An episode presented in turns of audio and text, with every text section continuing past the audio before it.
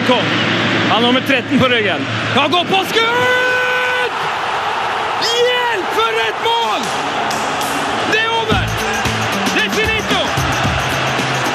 Det er klart! Vi er ferdig!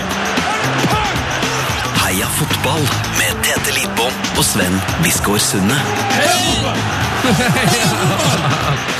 Og nå er TT-gutten i gang! Og jeg, jeg var faktisk så i gang der at jeg heia fotballer før Per, per Jarle Heggelund. Du avbrøt Heggelund. Har du en fin fotballuke, min gode venn? Ja, du har hatt en helt strålende fotballuke. Så godt å høre. Champions League har begynt. Åh. Premier League var helt rått. Mål til Benteke. AC Milan, Inter Nei, Inter AC Milan, beklager for dem som er purister innenfor hvem som er hjemme- og bortelag. Uansett, Balo redebutert for Milan med en Rebutert? Rebutert! Med noen sinnssyke skudd. Og tror du ikke at samme uke, eller da egentlig uka etter, for å være helt korrekt for dere så redebuterte også Tete Lidbom i bedriftsserien. Dere er jo nesten samme person. Det er veldig riktig at du og Balo rebuterer samtidig. Ja, og det skal sies eh, at eh, Balo sin redebut eh, var mye mer Mye bedre enn min. Jeg så ut som Balotelli i Liverpool-drakt i min redebut. Oh yes! Jeg var en tung, tung og sliten mann som Resultatet ble 0-6. ah, 0-6 i sekken. Ja, jeg, jeg tok en tuttis med en gang.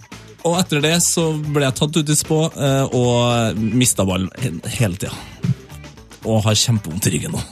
Tungt. Enn din eh, fotballuke, har den vært fin? Ja, den har vært strålende. Uh, Martial har jo skåret. Og så var jeg faktisk, noe av det, faktisk det jeg satte mest pris på denne uka, her, var at jeg var på Lerkendal. Og der så jeg altså Rosenborg. Eh, de skåret overtidsmål. Det var stas. Men det som jeg gjorde meg mest glad, han her Eyolfsson, midtstopperen Rosenborg, han er så god! Voldsomt Han er så voldsomt god. Ja. Så det var min fotballuke. ja. Oh yes! Oh yes! Heia Heia fotball! fotball! Heia fotball! Hallo! Hallo! Og velkommen til um, uka sist, som er tidligere fotballspiller for uh, Rosenborg og for Norge. Uh, han er fotballtrener, journalist, forfatter og ikke minst trommeslager. Ola By Riise, Takk for det. velkommen til oss. Takk. Uh, stemmer det at du ble erstatta av selveste Diesel Dahl, kjent fra TNT, um, i din tidlige bandkarriere? Det medfører riktighet. Hva- Altså, Imponerende research. ja, det, det er utrolig hva vi vet, du. Vi har spilt, uh, vi har spilt uh, noe av musikken din uh, før. Jeg tenkte vi må, vi må dypdykke litt i, um, i bandet her. Um, kan jo, vi har fått tak i et klipp som jeg lurer på om kanskje nesten ikke du har hørt sjøl engang. Fra 90-tallet. Du kan bare høre på det, så må du jo kanskje forklare oss hva vi hører.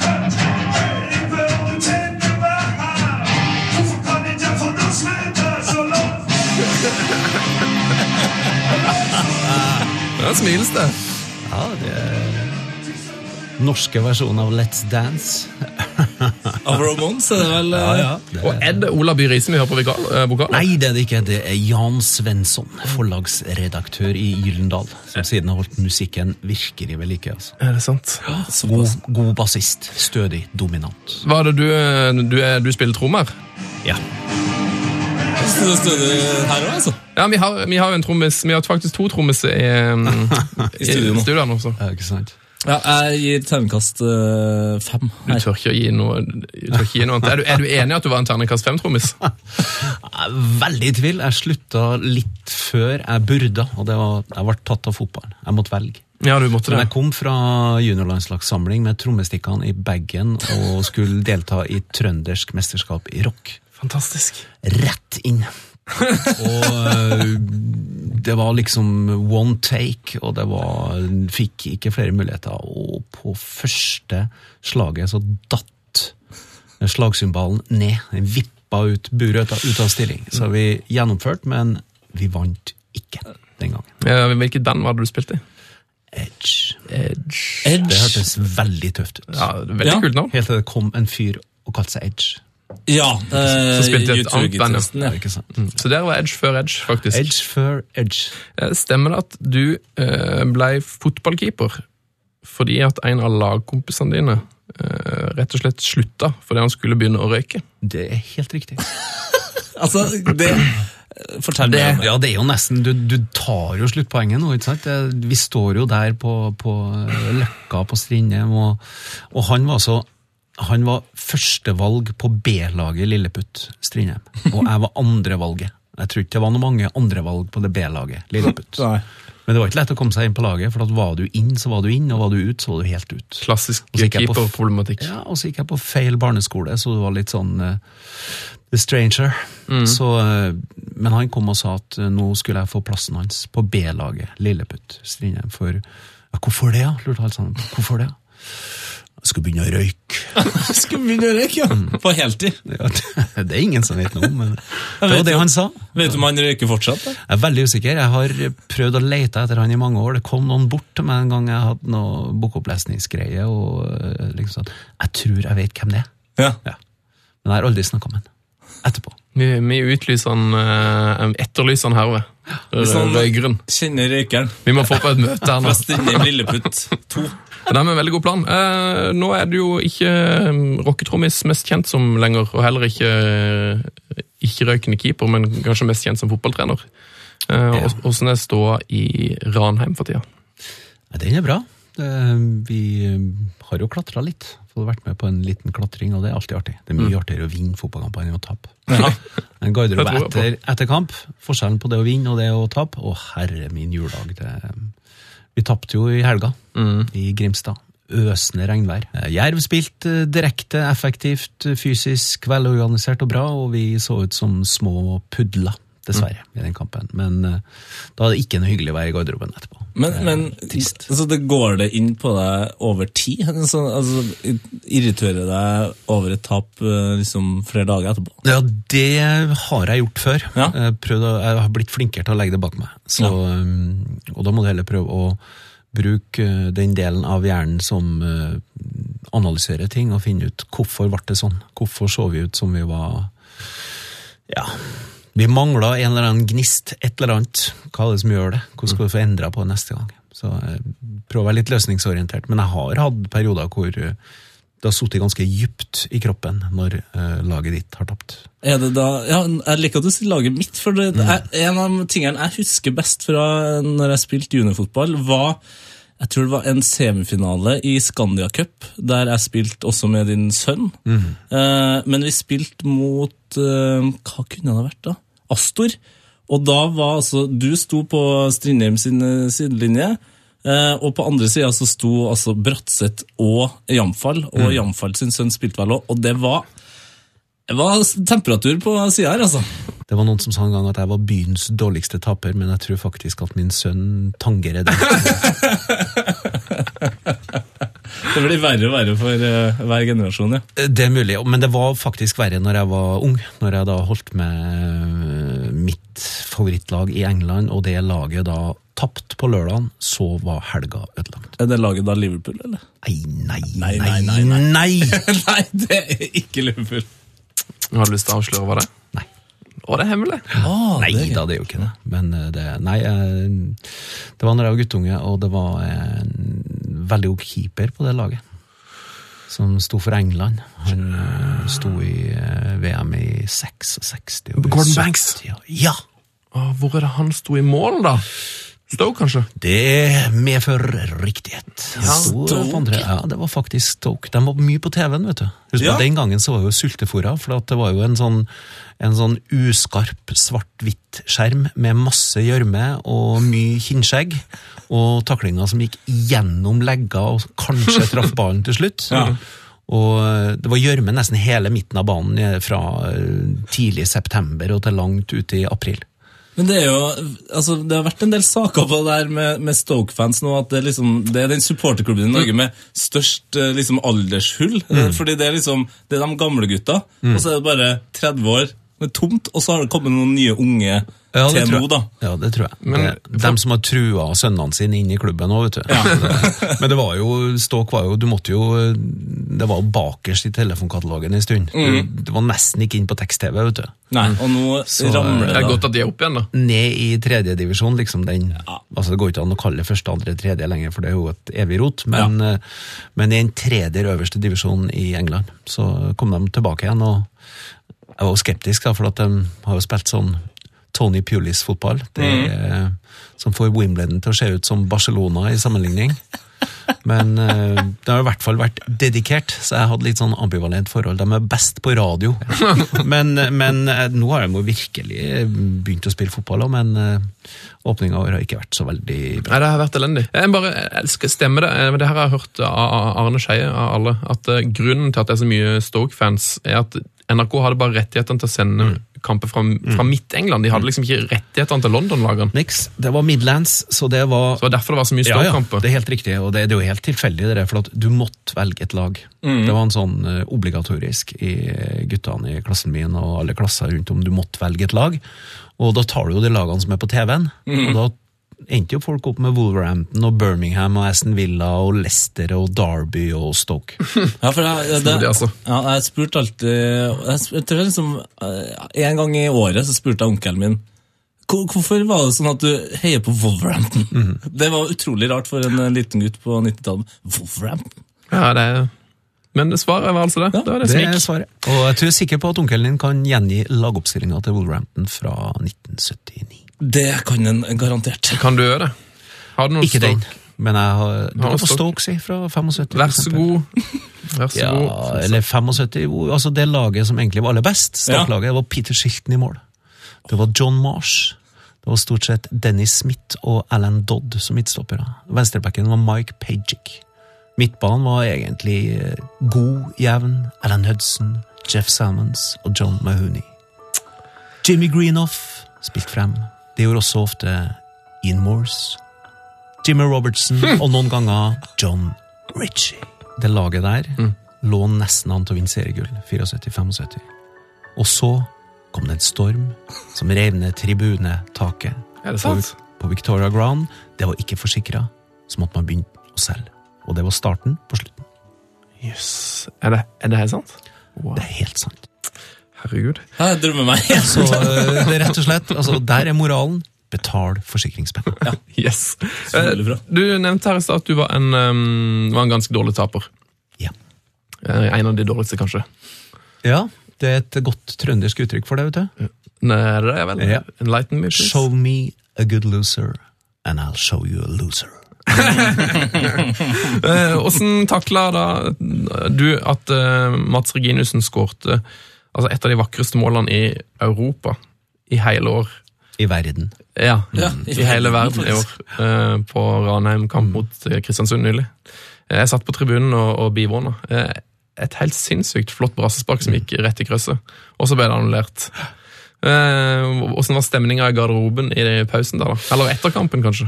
Øh, jobben min da er å få nullstilt, for øh, da ligger vi under 0-1, mens det egentlig er 1-1, som du sier, på verdens flotteste brassespark. Øh, og da må du bare si at gutta, her får vi ikke gjort noe med nå. Nå er vi 45 igjen, og da skal vi spille så godt at vi snur der. Og så spilte vi så godt at vi kunne ha snudd det, men vi fikk ikke uttelling. Og så tapte vi, og da kunne vi være sint etterpå. Ja. Og det var vi. I hvert fall litt skuffa. Så hvis eh, dommeren hadde vært en eh, musiker, så hadde han blitt kasta ut av all musikk pga. tonedøvhet. Ja. ja for, Det var direkte umusikalsk, Ja. synes jeg. Det er sånn, Du finner en regel nederst i skuffa bakerst på kontoret som kan passe med den situasjonen her. Så den bruker vi. Ja, for det er jo, eh, for de som ikke har sett dette målet, så er det jo veldig likt det målet som Benteke skårte eh, i helga mot eh, Manchester United. Ja. Nesten identisk, bortsett fra at Mats sin var enda hardere og gikk strakt borti. Ja, den var lenger ut i, lenger ut i kryssen. krysset. Da tror jeg folk skjønner hvor bra det Ja, men det var brassesparket var. veldig likt. Det Ja, var ja, var veldig utrolig likt. Ja, det var det.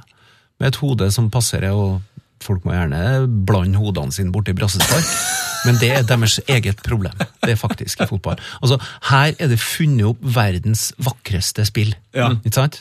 Som går ut på å skape ting, og så har du motspill som da går ut på å hindre det du skaper.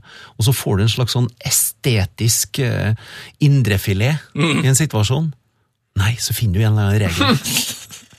Fjern den indrefileten. Ja, jeg, jeg, blir, jeg blir bare trist. Jeg blir bare trist. Det, det er litt sånn som når eh, IS herjer med kulturarven akkurat nå. I en litt mindre dimensjon, men det, det er litt sånn, altså. Det blir Kan destruktivt. Det eh, dessverre. Men gode dommere kan gjøre feilvurderinger. Ja. Fotballspillere, Gode fotballspillere kan spille dårlige kamper, og jeg syns at det der var en en eh, dum avgjørelse. Ehm, Du er litt inne på filosofier, da. Eh, At du liker litt sånn vakker fotball og kanskje ikke vært så fornøyd med hvordan Stoke spiller. Eh, Hva er, hva er Ola By sin filosofi, kort fortalt? Nei, jeg er jo hjernevaska inn i RBK-Eggen-greia. Jeg var, husk jeg var bare 16 år jeg, første gangen jeg hadde mine første krangler eller diskusjoner med Nils Arne Eggen. Den gangen han mente at jeg var god nok til å stå i eh, toppserien, altså i dagens tippeliga. Og jeg mente at jeg ikke var det. Han mente det. om det? Og han, eh, som vanlig, skulle jeg si etterpå, så var det han som bestemte, og jeg hadde rett. så eh, jeg vet ikke om jeg var helt god nok akkurat da, men jeg ble kasta inn, og det gikk, gikk bra. i Kjempebra i en kamp, og ganske bra i nesten, og så gikk lyset egentlig i den tredje vi tapte 6-2 på Lerkendal. Og 16 år gammel og slapp inn seks mål. 16 år gammel, eh, så bra ut til pause, um, og så begynte å rupe på med sånne mål som ikke skal gå inn. Jeg må nesten fortelle om det aller verste. Det var da en femmeter, la ballen på femmeteren, og så Og femmetere, altså, når du ikke spiller kort til medspillere, de skal helst være hard og høy. Altså lang. Den var verken lang, høy eller hard. Så den 16-årige Rosenborg-keeperen, han eh, jeg vil kalle det en sånn langsom rabbit killer, altså langs gresset, uten særlig fart. Og det kunne gått helt fint, hadde bare ikke vært for at HamKams beste spiller, landslagsspiss Pål Jacobsen, sto på 30 meter og knytta skolissa si. Nei. Og akkurat idet han var ferdig med å knytte skolissa si, som eneste utespiller på den halvdelen, og reiste seg opp, så fikk han ballen servert i beina. En perfekt vektet pasning. En perfekt vektet pasning. Eh, han kikka seg rundt og tenkte ja vel, er det julaften nå? Så tok han med seg ballen, gikk rundt den litt forvirra unge keeperen, satte den i mål. Eh, jeg har et bilde som sto i Adresseavisa dagen etterpå. Der sitter jeg på kne, som en slags sånn liten gutt i barnehagen som har blitt fratatt eh, bøtte og spade. Mm. og da har akkurat Det er tatt på stillinga 6-2 Ja. etter det siste målet, og da har akkurat midtstopperen, ene midtstopperen snudd seg til meg og sagt du kan i hvert fall ta ballen ut av nettet. Det er, hardt, altså. Harde bud. Stemmer det at du um, debuterte eh, mot Manchester United eller Arsenal? Ja, det er riktig. det sånn Eh, det var sånn? Arsenal, tror jeg faktisk. Ja. Først på våren. Da var jeg Jeg var fylt 16, ja. på Lekendal. Ja. Frank Stapleton skåra. Mm. Jeg lurer på om Supermac var på det laget. Da har du liksom satt standarden for karrieren, da. Ja, må begynne å slippe inn der, ja. Siden så Nei da, men det var, det var selvfølgelig kjempekult å få lov til å spille, å spille mot de engelske stjernene. Og eh, senere på året spilte vi mot eh, United, da. Mm. Og da var det litt eh, Jeg var jo litt sånn lovende Ikke akkurat Wonderboy, men det var i hvert fall noen av lederne i klubben som ordna det sånn at eh, Vet ikke om dere da er så historiesterke at dere har hørt om den legendariske vingen Gordon Hill på United? Da, der er jeg borte, i hvert fall. Ja. Du var ikke så stor da. Nei, det trodde jeg. Du var ikke så født. Mor di var ikke så gammel.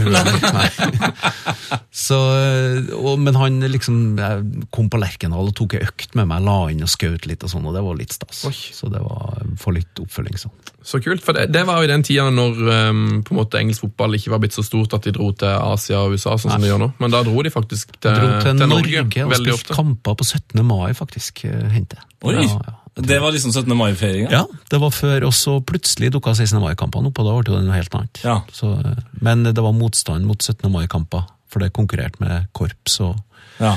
frivillige bevegelser. På, Mm. Men det, det, var mange, det var lettere å få engelske lag til Norge da, ja. Det, var- det, Sikkert var, billigere. det var billigere, men jeg tror de tjente bra med penger. eh, Men det blir ikke helt som å dra på turné i Asia. Nei.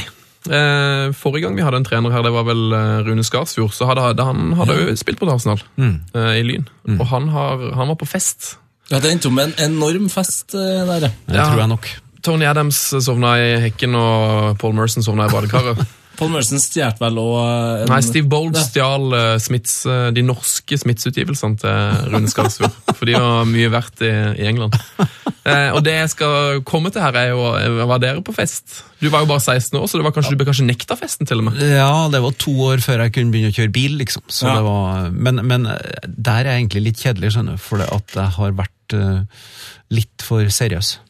Ja, sånn at jeg var egentlig begynt tidlig og fant ut at hvis jeg skal nå opp i gamet her, så må jeg gjøre noen forsakelser. Og det er blant annet å ikke bli med på alle de invitasjonene som du får. Og det kan du si at det er jo veldig kjedelig, egentlig. Tenk deg alle de festene du har gått glipp av. Ja, du har gått glipp av noen fest... Jeg har gått eh, glipp av ganske mange fester. Eh, Det var til og med sånn da jeg begynte på landslaget, at det var ikke uvanlig å feste etterpå. Nei. Så jeg røyk vel nesten uklar som uh, unggutt med noen år etablerte, for at jeg ikke, Du vil ikke være med ut. Nei. du, Da får du liksom på hotellrommet og lest en bok isteden? Ja, ja, litt sånn. Eller til og med kunne komme meg hjem med siste flyet. Ah, det er lurt! Det er ikke populært, vet du. Hvem var som- Ja, men han, han kom jo hjem. Hvorfor kanskje, kom, ikke du, hvorfor kom ikke dere hjem? Han Ja. kom jo hjem. Ja, ja, så du ble på en måte Det er han, en slags sånn landsforræderi, egentlig. Så ja, det du ble han flinkeste gutten i klassen, ja. Så det var litt dumt, egentlig. Angrer du på det nå, nesten? Nei. Men hvem ellers, mest, da? ellers har jeg sikkert spilt bare fem kamper i Tippeligaen og, og ikke vunnet noe annet enn bussen hjem, tenker jeg. Nei, ikke sant. Du, det, du ble bedre fotballer, selvfølgelig. Jeg gjorde nok det, tror jeg. Mm. Faktisk. Hvem var det som kjefta mest på det, da? Eh, Nei, eh, du spilte med Iversen, iallfall. Han er jo kanskje en av de mest kjente sånn Ja partyguttene. eh, Odd, men jeg hadde et veldig fint forhold til Odd Iversen. Jeg hadde en voldsom respekt for Odd Iversen. Og han, så der har jeg ikke et skjevt ord å si, selv om Odd helt sikkert kunne vært flinkere til å ha lagt seg. Jeg tror han har vært en kunne vært en outstanding spiss i europeisk sammenheng hvis han har blitt kjøpt av den riktige klubben på det riktige tidspunktet, med noen som virkelig har uh, ordna et sikkerhetsnett. Men, ja. For Hvor gode var de måte, var de gutta der? Man hører jo om Tom Lund og, og Ja, Iversen, men jeg har jo liksom ikke Lund- sett det. Men, nei, men hvor, gode var jeg, de? har- jeg har spilt mot dem, eh, eller med og mot. Ja. Eh, Så det første året da jeg var 16, da spilte Odd Iversen på Vålerenga. Da tok jeg en straffespark, og jeg husker på Lerkendal og la ballen til rette. Tunge, gamle baller og regnvær. Og så tenkte jeg han skyter opp til høyre. Så tok jeg liksom, når han skjøt, så satte jeg opp i høyre kryss. Og hadde handa på ballen, men den gikk inn allikevel, for skuddet var så hardt. Tenkte jeg, å så nære! Tenkte jeg redd straffespark fra Odd Iversen når du er 16 år, da. Hæ? Det hadde vært kult, men eh, det gjorde jeg ikke. Men, men Odd, eh, det er en del fotballspillere som eh, Altså, det er verden i miniatyr, og det er noen som mer frista til å lettere overtar da, enn andre. Men jeg tror nok at jeg var Jeg vet ikke om jeg skal bruke eh, uttrykket kjedelig eller seriøs eller proff ganske tidlig, så jeg tror jeg hadde en, en eh, litt 24 timers innstilling til, til fotball. Mm. Så eh, ja, gikk glipp av noen fester, men jeg tror kanskje at da slipper du å klatre over alle de hindrene som mange andre må klatre over. Mm. Um, Så Når, Ja, eh. Var det kjedelig sagt? Nei, det var ikke altså, Jeg kjenner at jeg blir inspirert. Jeg kjenner at jeg angrer litt på at jeg valgte rocken i stedet for fotball. Hvis jeg, altså, jeg kunne jo bare slutta med rocken tidligere. Og Det er jo ikke rocken som er farlig, vet du. Det er, Nei, det er rock, det er alt rundt. Alt rundt Ja, ikke sant? Ja, Uh, du har jo eh, sett Tete spille fotball i, i oppveksten, og han, han har jo skrytt litt her på podkasten at han, han mener at han Eller iallfall da vi begynte, da, så mente du at du kunne Hvis du fikk ett års opptrening, så kunne du eh, holdt nivået på Rosenborg. Ja, nei, ikke Rosenborg. Jeg var vel mer på Tippeligaen. et All dårlig til Rosenborg, Ja, ja, all ja. Eh, Eller førstedivisjon. Ja, det- jeg syns det er artig å snakke høyt og stort, eh, for da blir jo folk sinte. Men, Ja, men nå har vi en fagmann her. Nå- ja. Hvor god du- tror du Tete kunne blitt? Det vet ikke jeg, for jeg, jeg, jeg prøver å huske opp i hodet hvordan var Tete. Jeg, jeg mener du hadde et godt steg. Jeg mener at det var litt sånn kraftig når du bevega deg fremover. Men det er sånn vagt bilde, liksom bare. Den, det verste av alt, jeg husker enda bedre Preple i DumDum Har han spilt fotball? som keeper Oi, på Freidig. Er det sant? Litt forsiktig, egentlig. Talentfull, men litt forsiktig. Så da han dukka opp med vannskrekk og siden DumDum Boy, så tenkte jeg wow, her har det skjedd, skjedd, her har det skjedd noe. Så han var liksom sjenert keeper, og så Han var litt, Jeg oppfatta han som litt sjenert, forsiktig keeper. Men uh, lovende og spennende, og men, men kanskje ikke det offensive, aggressive temperamentet. Nei, som han nå har blitt nå meget kjent for Som på scenen. har. Som Ja, men Han er kjent for det på scenen, men uh, man, sjelden man ser en intervjusituasjon Ja, sånn. det er helt rett. Og Det det, at han er litt sjenert Det er noe med roller å gjøre. ikke sant? Du tar på deg ofte en maske. Det, snakker du med folk som er vant til å stå på en scene, så det er det veldig spennende. For at ofte så er de De går inn i en rolle hvor du blir veldig trygg Ja. på den arenaen. Og så går du ut igjen, og da har du tatt av deg maska, og da opptrer du på en annen måte igjen. Så jeg vet ikke hvordan Preple har det på den måten, men jeg husker en fra, og det var ikke mange steinkast unna det rommet vi sitter i her nå. På Tyholtbanen her, på gressbanen. Jøsses. Apropos det å ha på seg noe. eh, Når vi hadde Mini innom her, så hevda han hardnakka at han hadde sett deg spille med gummistøvler i en andre omgang. Eh, Dere vant eh, suverent tidlig på 80-tallet. Det var, det var vel jeg som hevda det. Ja, du som hevda det. Det må, være, måtte ha vært sånn at jeg så ut som jeg hadde gummistøvler. Ja. Ja, det, det er Tenker veldig... ikke du på kollegaen min Egil Drillo-Olsen? Han gummistøvler. Nei, jeg husker det veldig klart. Eh, Jeg ser det helt klart for meg. Det var en eh, kamp, jeg tror til og med det var en tippekamp, og dere vant så, så mye at eh, dere var helt suverene. Og så i andre omgang så regna det, så spilte du i støvler.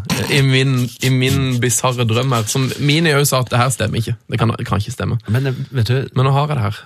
At eh, det så er fristende å svare det samme som jeg da eh, mine svigerforeldre fikk høre at jeg hadde fått meg en toppjobb i FN. Via noen. Så sa jeg bare til dem at uansett hva dere gjør, ikke dementer det. Ja, ja. Det kan ha skjedd. Det kan ha skjedd. Eh, Du har hatt eh, toppjobb i, i NFF. Jobber med Drillo. Eh, og i boka di så får jeg inntrykk at det ikke var en veldig bra slutt på den, på den jobben. Eh, hvordan, føltes det når, når dere ble avskjediga i, i landslagsjobben? Nei, det, det er ikke noe sånn uh, hyggegreie, men det var ikke at det plaga meg sånn personlig, for at, uh, da hadde jeg levd så lenge med det, og, i fotball så er det faktisk sånn at vi, vi har snakka litt om roller, men uh, hvis du skal begynne å ta ting personlig i fotball, så uh, da må du finne deg noe annet å gjøre. Så uh, du blir litt sånn hardhuda etter hvert, men jeg tror kanskje at jeg reagerer mest på, eller reagerte mest på urettferdigheten i prosess. Ja. Og da eh, minst for min egen del. For jeg var mer et sånt vedlegg. Altså, det er topplederen som, som blir be behandla sånn, og i og med at jeg kjente prosessen så veldig godt, så reagerte jeg på den.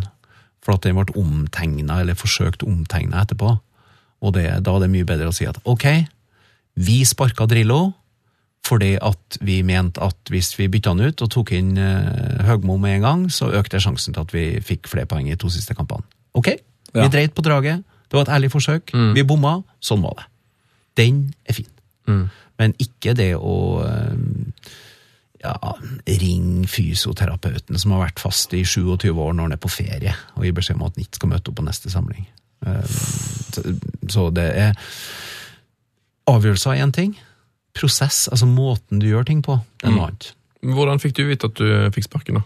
Eh, jeg fikk vite mm, sånn formelt på ei oppringning dagen etter pressekonferansen, men jeg skjønte jo det lå jo mellom linjene fordi at jeg ikke fikk en bekreftelse.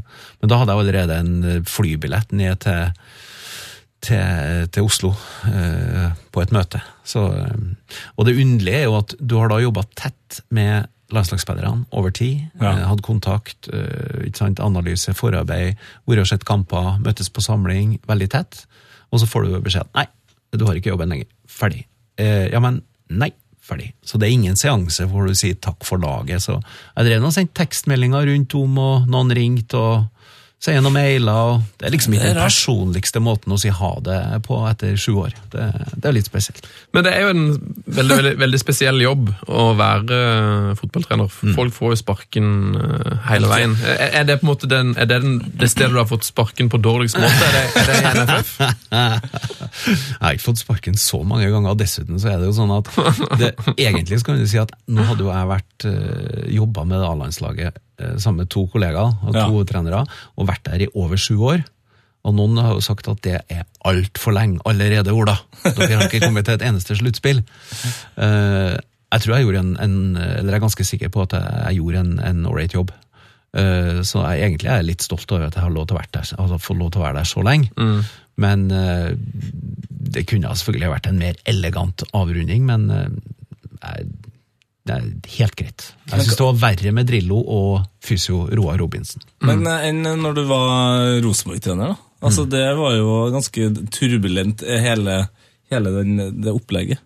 Altså, Det var turbulent, vet du. Det, men det, det har noe med forventninger å gjøre. Ja. Nei, det er det ikke. Men, men eh, husk på at det skjer noen ting med en klubb når en så markant skikkelse som Nils Arne Eggen går ut. Mm. Og eh, Hvis vi skulle ha laga historikk rundt dette, så ville det vært den post-eggenske perioden i Rosenborg. Den var trasig og varte lenge, og gjorde at folk uh, lengta etter Eggen hele veien. Så det å komme inn og ha din første klubb som hovedtrener, selv om jeg da hadde vært mange år i klubben og, og, og kjent klubben, eh, så var det forventninger til meg i den rollen som egentlig var eh, umulig å oppfylle. Så, eh, men eh, det var jo jeg som tvang fram eh, den avgjørelsen gjennom å stille et kabinettspørsmål, for da eh, var det så lite tillit signalisert, og så mye spekulasjoner at vi hadde kommet til å miste det seriegullet i 2004. Ja. Hvis ikke jeg hadde eh, gått inn og sagt at nå, det her, eh, det renner energi ut av gruppa. Så eh, da får du heller eh, miste jobben og, og vinne seriegullet. Det var en bedre miks, tross alt. Men, men har du, har du eh, ambisjoner om å, å trene på et så høyt nivå, eller enda høyere nå? Altså Nå er du jo liksom Ranheim-trener. Skal du ta dem opp i Champions League. Tenk å ta Ranheim til Champions League. Ja. Det har vært kult, vet du. Det har ikke Paris Saint-Germain Ranheim. Om to år. Nei da, det De ambisjonene er ikke sånn at Altså, jeg må ingenting. Altså, jeg har trent Rosenborg, jeg har uh, tatt seriegull, vært i Champions League med Rosenborg som trener. Jeg har mm, trent, uh, vært med og trent uh, landslaget og mangler jo et sluttspill. Det har vært veldig ålreit. Men Ja. jeg har sluttspill som, som spiller, da.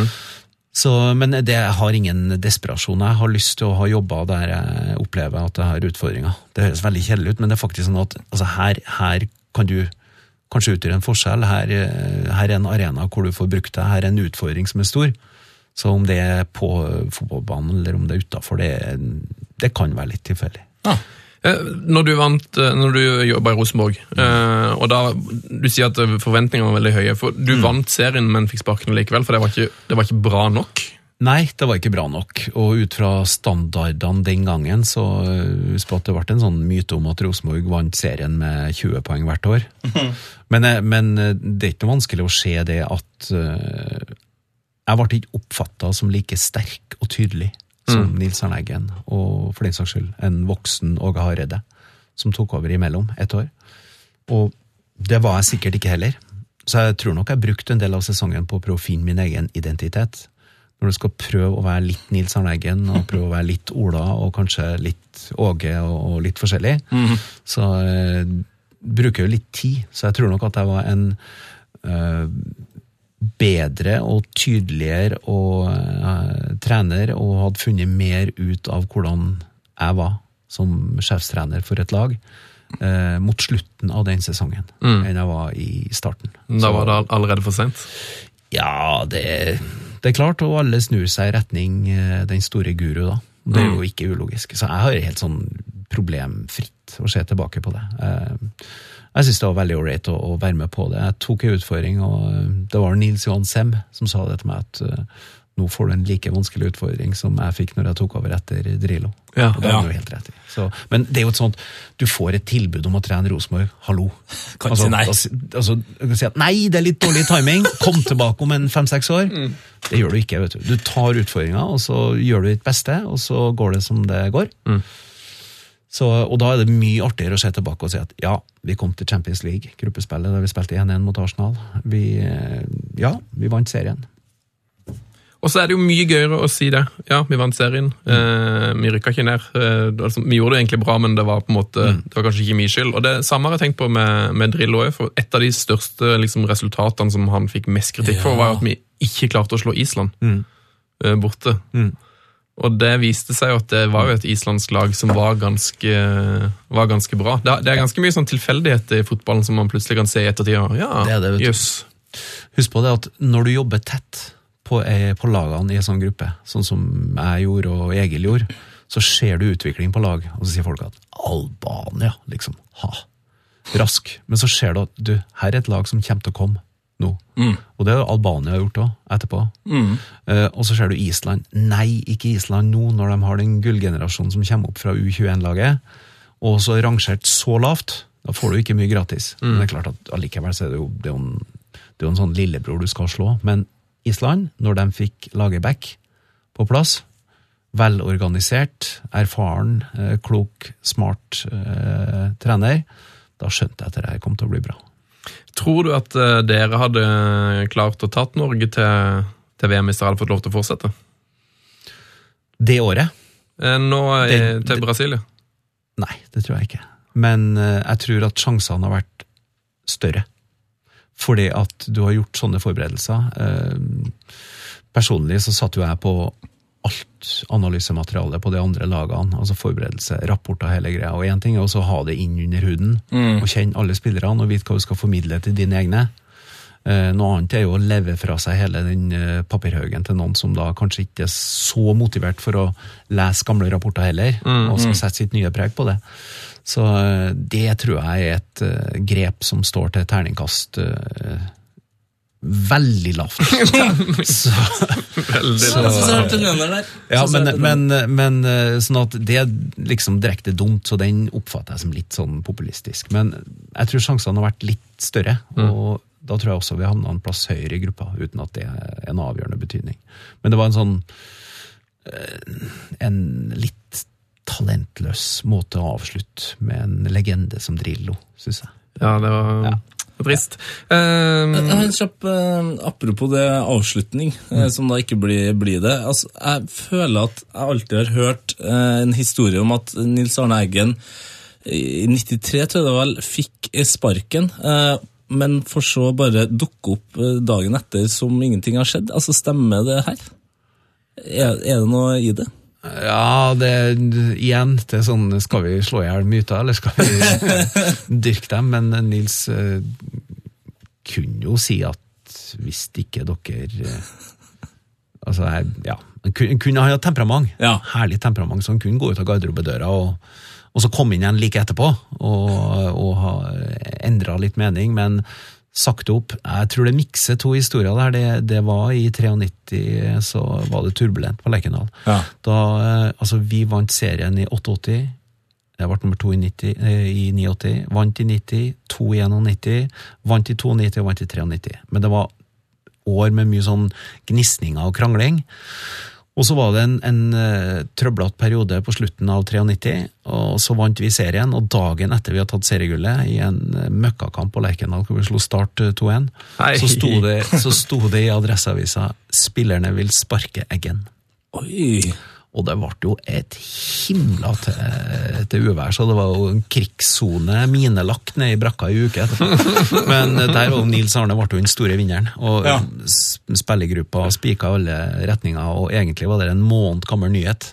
For at det har vært eh, tatt opp at det var veldig mange som, som eh, En majoritet i den spillergruppa ville ønska seg noe annet, men visste ikke hva de ønska. Og sånn har jo norsk fotball vært drevet. Det har jeg vært med på tidligere. og sagt, Nei, vi vil bytte trener. Hvor mange som stemmer for å bytte trener? Opp med. Ja, ja, ja, ja, jeg kunne vært fint med noe nytt, ja. Mm, det er litt som norske valg, ikke sant. Ja. Nei, vi er litt lei, det har gått veldig fint, men nå vil vi ha et nytt ansikt. Men hva, hva dere vil ha? Sant? Og, og da endte det egentlig opp med Nei, men Det ble en himla god prosess. Ja. For at Vi fikk en veldig god prat, og Nils Arneggen ble en enda bedre trener etterpå. Det ble, han lytta mer til spillerne, og spillerne ble faktisk mye flinkere til å si fra.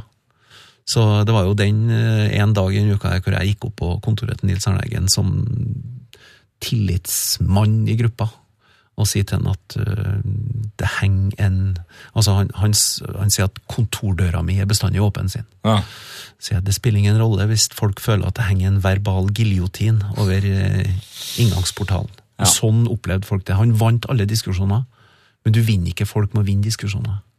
Du må, det må være altså, gode diskusjoner, så, så får begge parter litt. Ja. Så eh, han fikk rett, men det ble ikke rett. Så han ble mye bedre etterpå. Og jeg tror at det var starten på den, det steget videre som tok Rosenborg inn i, tok oss inn i Champions League to år etterpå. Inn i himmelen. At, ja, det, det var jo himmelen den gangen, men Ja. det, var, det opplevdes som helt naturlig Mm. den gangen.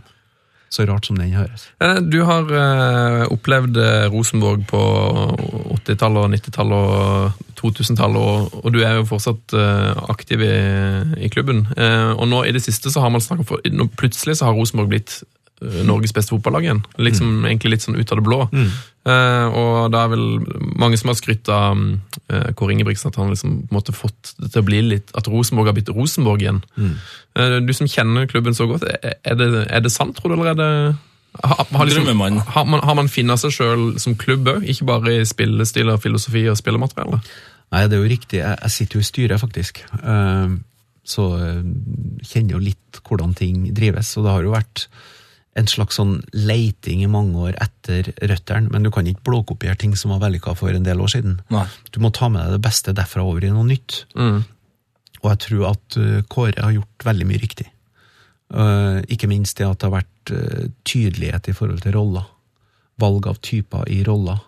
Du har uh, opp igjen de gode gamle indreløperbevegelsene, som var felles både for Rosenborg og, og Drillo sitt eh, landslag. Mm.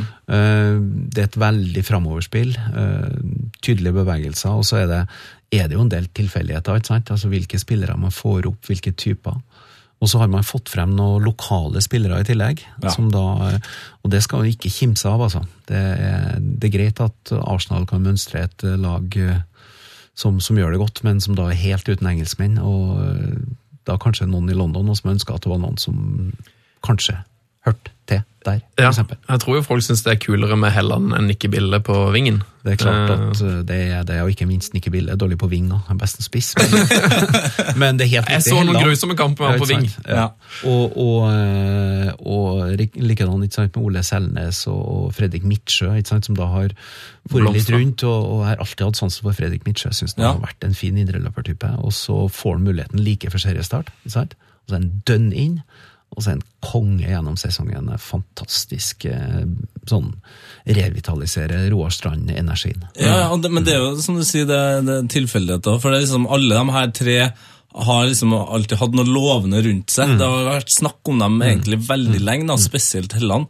Og så slår de alle tre eh, til samtidig. Og det er så rart vet du, med fotball, for at det er litt tilfeldigheter og litt timing og litt kjemi, og, og hva som, eh, som spiller størst rolle i hvilke sammenhenger, er vanskelig å si. Så Kåre kom inn på et riktig tidspunkt med de spillerne og har klart å gi dem en slags trygghet og tillit, og så har de blomstra. Og det, det er, kan være litt eh, tilfeldigheter, og det kan være dyktighet, og det kan være noe med rekkefølgen brikkene detter ned i. Så eh, fotballen er rar. Ja, den er veldig rar. Ja, nå jeg merker jeg at Du er jo ikke helt rett mann til å svare på dette, i og med at du fikk sparken på den, på den verste tida. Men uh, på en måte, i og med at Rosenborg har funnet seg sjøl, satsa man for stort, eller liksom Gjorde man noe Ble man en stormannsgale etter Eggen, med liksom dette med at man skulle ut i Champions League, og at man skulle bli Tenkte man for stort, liksom?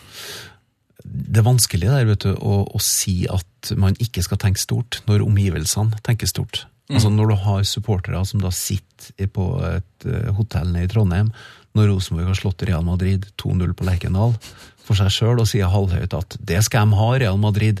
De prøvde i hvert fall, dem. Det er klart at Da er det et eller annet med sjølbildet som, som folk syns kanskje er i overkant uh, stort. Så jeg tror nok at forventningene var skyhøye. Så det har jo vært lettere når eh, du har hatt år som har nulla ut eh, de forventningene. Så, eh, men, men samtidig det er mye som er gjort riktig, og så er det og så er det jo folk som har gjort helhjerta jobber imellom òg, men som kanskje ikke har fått betalt for det. på samme måten. Eh, Vi må litt om treningsfeltet. Der ja. oppholder du deg mye. Og eh, I boka di så snakker du om at Nils Arne Eggen han drev på med feildøm, sånn overlagt feildømming Det er riktig. på treningsfeltet. Manipulerende dømming. Manipulerende dømming. Ja. Fortell hva Det høres så når- Jo mer jeg har tenkt på dette, jo mer genialt syns jeg det. Ja, egentlig så er det, og jeg sto på treningsfeltet i dag, på Ranum trening, like før jeg kom hit, og eh, dømt en ganske tett kamp, og så ble det plutselig tre mål imellom, og da tenkte jeg, jo det rykka litt ned i foten på, skal vi begynne å gjøre noe her nå, med, men så tenkte jeg at, nei, ikke nå, det er helt på slutten, det, da, da tar det av her, Ja. Ja. i en eller annen sånn uh, takling i korsbåndhøyde. Da blir det for mye. Det er, det er noe med, du, du må vite når du skal tømme bensin på et bål og ikke. Men uh, Nils Arne var jo genial på å dra opp konkurranseinstinktet. Uh, Du fikk en veldig trigging på, på det å gjøre kamper jevn, tett, det at det betyr noe. Så når jeg ser et fotballag på trening hvor ingen vet hva stillinga er når de spiller, da blir jeg helt oppgitt. Da tenker jeg at begynn med ludo eller hekling eller, eller kjør radiostyrt bil. Men ikke, ikke fotball. Da- må du, du må brenne litt. Det må være litt gnist. Du må, det må bety noe. Hvem var det største konkurransemennesket som eh, du har spilt med? Ja, Den Gærneste. Det er, Det er mange- mange å velge i. jeg også. Det- Jeg tror beskrivelsen var Ja, det var litt rykk og napp. Um, Jeg tror at den uh, altså Trond Henriksen kom ganske høyt der òg. Det, det Men Trond naturlig. tok det igjen i form av taklinga. Ja. Eh, han Gjøran tok det igjen i form av hoftefest og noe glefsing, og jeg tok det igjen i form av sarkastiske, syrlige replikker. til dommerne, eh, blant annet. Så det var, det var jo da jeg ropte Nils Arne og Bjørn Hansen at eh, gutta, det er ikke bare at de dømmer dårlig, men de dømmer dårlig med vilje. ja. Og det var jo helt riktig. Eh, Men jeg har vært borti en del dårlige tappere. og I VM-troppen i 94 i USA, hvor eh, Kjetil Rekdal, Jan Åge Fjørtoft, Gøran Sørloth Uh, Har jeg glemt noen da? Uh, var i samme firkanten, og det var diskusjon om hvem som skulle i midten. Der var det ikke lett å bli enig. Mest Men- prating, ikke så mye fotball. Nei, jo, men det var, det var fantastiske personligheter, men vinnertyper og, og veldig eh, sterke personligheter. Og det er Ja. klart at det, da, da går du ikke i midten frivillig, vet du. Da, da må du gjennom eh, Du må lagmannsrett og høyesterett før du finner deg i det. Ja, Det høres ut som en bra trening. Eh, Du har sittet mye på, på benken som landslagskeeper. Eh, Sist jeg sjekka, så var det rekord i Norge. Du, det må et fint oppdrag til dere. Det må være verdensrekord. Det kan ikke finnes en fotballspiller i hele verden som har sittet i eh, 53 eller 54 offisielle kamper, trykt ned på benken og sett på og kanskje tenkt at du kommer inn hvis noe skjer, og etterpå lurt på om du skulle dusje eller ikke. Det skulle jo selvfølgelig få lov å varme opp, Ja. Eh, men eh, jeg tipper det er verdensrekord. Altså, andre har blitt kasta ut hvis de har sittet så lenge og ikke får spilt litt, sant? men jeg var antagelig god til å sitte på benken. da. Ja, trivelig, god samtalepartner. Jeg tenker jo på det. Jeg husker på at jeg, når jeg har vært med først Åge og så Drillo som assisterende landslagstrener, så uh, satt jeg til sammen 73 kamper uh, på benken. Ja. Og så satt jeg så 54 som ubenytta reserve for Norge. Og jeg tenker at jeg brukte jo sju år på de 73 kampene. Hvor mange år brukte jeg på de 54? For jeg spilte jo 25 i tillegg. Så uh, Gee, how did you spend your life? Ja, det er gøy. Men dere vil sikkert gjerne vite hva som var den beste benken jeg satt på. ja, det er jo Selvfølgelig, det er derfor vi har fått her. Ja, ikke sant. Og det er altså, da, da skal vi til VM, åpningskamp, Mexico 94. Det er altså 40 varmegrader og 2000 luftfuktighet. Eh, det var helt uutholdelig. Eh, Det var så varmt utpå her at folk besvimte på tribunen. Så kom vi bort og tenkte at "Ah, her blir det varmt. Så satte vi oss på benken. Den var luftavkjørt. Det Yes. eneste sted på hele stadion som var ordentlig luftavkjørt, Ja, benken. det var benken. Fantastisk. Ja, det, Der har du en bra Du er jo gammel NRK-mann. Ja. Der har du en bra overskrift. Ville ikke innpå mot Mexico. Nei, ikke sant? Altså, nei, det er så, det er så varmt utpå der. Det er varmt utpå der. Men det må også ha vært eh, det grunnen til at en del innbyttere gjorde det så godt i det VM-et. Bare for at de, de har faktisk sittet da i en eh, Sitte og chille, ja, ja. Kjetil, Kjetil Rekdal var jo krystallklar for å komme inn, og skuffa over å ikke spille fra start, men krystallklar og, og avkjørt nok til å komme inn og avgjøre den kampen. Ja. Legende. 1-0. Perfekt. Det er derfor. Skal ikke ta bort alt fra Rekdal der, men det er Rekdal, nå vet du det. Er derfor du eh, var så god. Ikke slem med reka, det er altså mentalt sterke spillere tror jeg ikke jeg har vært borti. Nei. Dere tenke dere da, med straffespark mot Brasil her. Det, Ja, det det Det er vanskelig å slå den. Det er galskap. Ikke engang da Jon Arne Riise ville ta strafferen mot Slovenia på 1-1 på overtid på Ullevål, og vi måtte vinne. Og de to faste straffeskytterne var ute, Ja. og Jon Arne han pekte på seg sjøl med begge hendene. Ja. Han tok ansvaret. ansvar. Ja. Og tok fart, og halvparten snudde ryggen til og lukka øynene, både på benk og blant medspillere. Og, Og Jon Arne han klinte til tidenes dårligste straffe under keeperen og i mål. Og vi vant. Og det var like herlig. Og en fantastisk æresrunde. Det å ta ansvar, det. Ja, det er bra. Han, eh, han var jo innom her for Tre uker siden? tre-fire Ja, uker siden. ja. Og han har jo eh, vi kritisert han jo for det, for han er jo helt idiot på det der med å ta straffe. Han skal jo ta det uansett. Eh, Tatt og i Champions League-finale. og FA Cup-finale og viktige landskamper, det er ikke måte på. Men eh, må du være litt idiot for å bli verdens beste fotballspiller? Du må være fryktløs. Mm. Du må, du må se gevinst og ikke tap. Eh, Du må krysse noen grenser. Så eh, Og normalt er han jo god til å ta straffer, men akkurat den strafferen, det var sånn Nå kliner jeg til. Og inn glein under keeper. Og vet du hva som hadde passa bra nå, Tete? Straffesparken.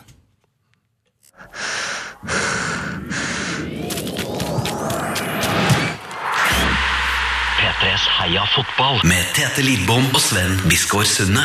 Og Ola By Mm, Vår mest kjente jingle, Ola. Veldig bra. Straffespark. Var du god på straffe? Jeg ble det, etter hvert. Eh, Jeg var dårlig til å begynne med. Jeg gjorde sånn som mange keepere. Du tror at om å hive seg så fort som mulig. Ja. nesten før uh, skytteren når frem til ballen. For å bli helt og ta den i krysset og sånn. Mm. da, eh, det er dumt. Da ble det mye lurt. I det øyeblikket Ja, vi var jo gjennom en parodisk sesong i eh, 1987. Da det var straffekonk på uavgjort i den norske toppserien. Er det sant? Det her har jeg ikke fått med meg. Altså, eh, gutta Det det faktisk- juniorteam av programledere er det? altså, Historieløse det her er jo helt Ok, og da skal du få en kortversjon. Ja. Thomas Ganke på fotballtinget. Det var diskusjon, det var den gangen det var to poeng for seier, ett poeng for uavgjort. Og da, på en tidlig morgen, hvor folk da antagelig ikke har klart å huske på å ha lagt seg, så ble fikk han gjennom det med tre poeng for seier. Og det er jo veldig bra, Ja. Men samtidig fikk en lurt inn at alle kjedelige uavgjortkamper, som uavgjortkamper var, skulle avgjøres på straffekonk. Så det var straffespark på hver uavgjortkamp i hele tippeligasesongen. Og Rosenborg, det året, av 22 seriekamper, så spilte vi uavgjort 11 ganger. Og jeg må nesten si at jeg brukte hele sesongen på å øve meg på å stå i mål på straffespark. Og eh, det var god læring etter hvert. Ja. Så eh, vi, eh, ja, vi vant fire og tapte sju. Sju straffesparkkonkurranser. Det som skal sies, det er at jeg scora på alle mine. Du gjorde det, ja. Ja, for du, du måtte skyte nå. Fire eller fem. Det var noen ordentlig lange straffekonker altså. Det var en 13-12. Den er seig. Men det var noen også som var avgjort tidligere, så redda jo noen og vant jo noen. Men kunsten på straffespark, for en som har bra rekkevidde og, og bra reflekser, Ja. det er å Vent. Vent, lese, stol på refleks, press skytteren, og, og få et ry på at han går aldri i feil hjørne. Ikke sant? For det, det blir litt sånn eh, det, det føler jeg at det, det er jo større sjanse for å ta de dårlige strafferne. Og det får altså, dem tar du jo hvis du står, og da kommer du da litt Helt mer inn i hodet på spillerne. Siste fire sesongene jeg sto for, for Rosenborg, da var jeg best på straffespark. Og den ene sesongen året etter at eh, det ikke gikk så veldig bra i en cupfinale som vi tapte. Det er mange måter å bli rikskjendis på, men jeg anbefaler ikke den med å hive inn mål på, på, på eh, cupfinale. Eh, Men, men da hadde jeg en kanonsesong etterpå, og da det begynner liksom med ryktet at eh, du redder én straffe, og så redder du nesten, og så redder du den tredje igjen. ikke sant? Og da, når du får den positive der, straffesparkekspert, så tenker jeg mm, herlig. herlig. Og så dyrker du litt myten, ikke sant. Og så blir Hvis den fjerde går så- over, hvis den ferden går over, da, så tar du æren for den òg, ikke sant. Ja, men det er sant. Stå lenge, stol på refleksene. Og, og eh, det er utrolig hva du kan få i. Og så må du lese føtter. Hvem som er typisk sånn svinghjørneskyttere, og hvem som er sånn midtstoppertyper som vil breisiden i motsatt. Og hvem som er nervøs, hvem som eh, skal prøve å kamuflere hvor de skyter hen, ikke sant? Eh, Men det er overtydelig hvor den egentlig kommer. Sant? Sånne, det er sånne vurderinger som du gjør. Har, har du da en sånn, eh, en sånn magefølelse som at når du står eh, og- Og faktisk mange av de du har redda, da. At det er sånn at liksom når du ser tilløpet, og du sånn det, At du tenker 'den her tar det', og så, så tar du den faktisk. For at du ser tilløpet, og så tenker du han skyter i svinghjørnet. Og bare holder den lenge nok, og så går det. Og klart, Skyter den veldig høyt, og du går lavt, så Det er vanskelig. no shit. Men uh, ofte går du rett, så er det utrolig hva du tar. altså. Hvis du går litt på Nydelig, lange altså. Nydelig. og det er herlig. Oh. Det å redde straffespark, det er herlig. Det er ultimatet for en keeper. altså. Eh, em, vi må tilbake til 1988.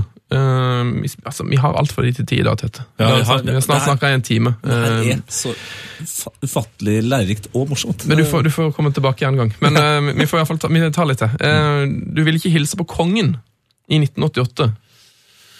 Stemmer det? Eh, Det var feil, for det var, jeg hilste på kongen i 1988. For Ja. da vant vi cupfinalen. Okay. Og jeg hilste på kongen i 1990, for da vant vi cupfinalen. Men i 1991, da tapte vi cupfinalen. Og jeg spilte en dritkamp, og vi tapte for Strømsgodset 3-2. Men det var egentlig sånn at når vi hadde tapt kampen, og da hadde jeg vært fokusert på en keeperduell, og jeg hadde vært skada og var rusten og i dårlig humør og grinete og skuffa, og eh, følte meg som uh, svikta hele Trøndelag. Og da bestemte jeg meg for at jeg ikke skulle si noe til media etterpå, på slutten av kampen. Så jeg marsjerte rett i garderoben. Mm. Og jeg skjønte egentlig ingenting når de andre ikke kom. Og så kommer de inn med den lille taperpokalen, så tenkte jeg at. Dæven Ola. En ting er at du driver og hiver inn og bommer i feltet og, og slipper inn frysete mål, men nå har du dritt det på draget i tillegg. Og, og, Og det hadde jeg jo. og det målet om å ikke snakke med pressen ble gikk vel andre, andre veien her. Det gikk veldig fint, men jeg anbefaler ikke det som mediestrategi. Nei. Sånn, vil du si noe? Nei. Ja, men du må jo si noe. Nei. Nei. Nei. Nei. Er du lei deg? Ingen kommentar. Eh, vi går til breddefotballen.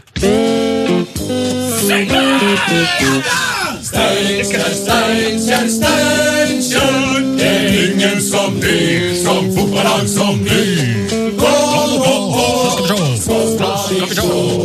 Ingen kan sjå FK. Hei, gutta! Hei, hei, hei, hei, hei. Og nå kjenner jeg at jeg har drukket litt mye kaffe i dag. 300 kaffe! Eh, Vi gir Olaby By en liten pause. Så tar vi med oss litt nyheter fra breddefotballen, servert av vår favorittmann på breddefotball, Netchef Lars. Har du det fint, Lars? Ja, nydelig. Hva er det beste som har skjedd i livet ditt den siste uka? Det er faktisk forrige helg. Nei, det er helga før det! vi så Steinkjer Namsos på stream hjemme til deg. Ja, det snakka vi vel kanskje ikke om. Nei, det gjør ikke Det vi. har vi ikke snakket om. Det var sjuke greier. Det var bra. Shit, det rakk vi liksom ikke da. Men det rakk vi nå. Det rakk vi nå. Men for en produksjon til å være tredjedivisjon. Ja, altså, det, det øyeblikket der Steinkjer, wabam! Namsos, wabam! Tredje divisjon, avdeling 10. Så rått var det faktisk å skje. Sponsa det. av Uh, Vinsjan på kaia, en eh, revy slash musical som har gått nå i tre-fire år, og skal gå i tre-fire år til oppi her. på Verdalen. Uh, big up til Trønderball, Yes, som, Trønderball. Um, som er veldig veldig god på trøndersk fotball. Og altså hadde livestreaming fra kampen med pauseintervju med trenerne. Sprang ned. Mixed zone. Twitter-oppdateringer uh, i skjermen underveis i kampen. Altså, Hvis du som hører på kjenner til lignende sinnssyke mennesker eh, som de i Trønderball, eh, bare at det er andre plasser i Norge, let us know på Heia Fotball.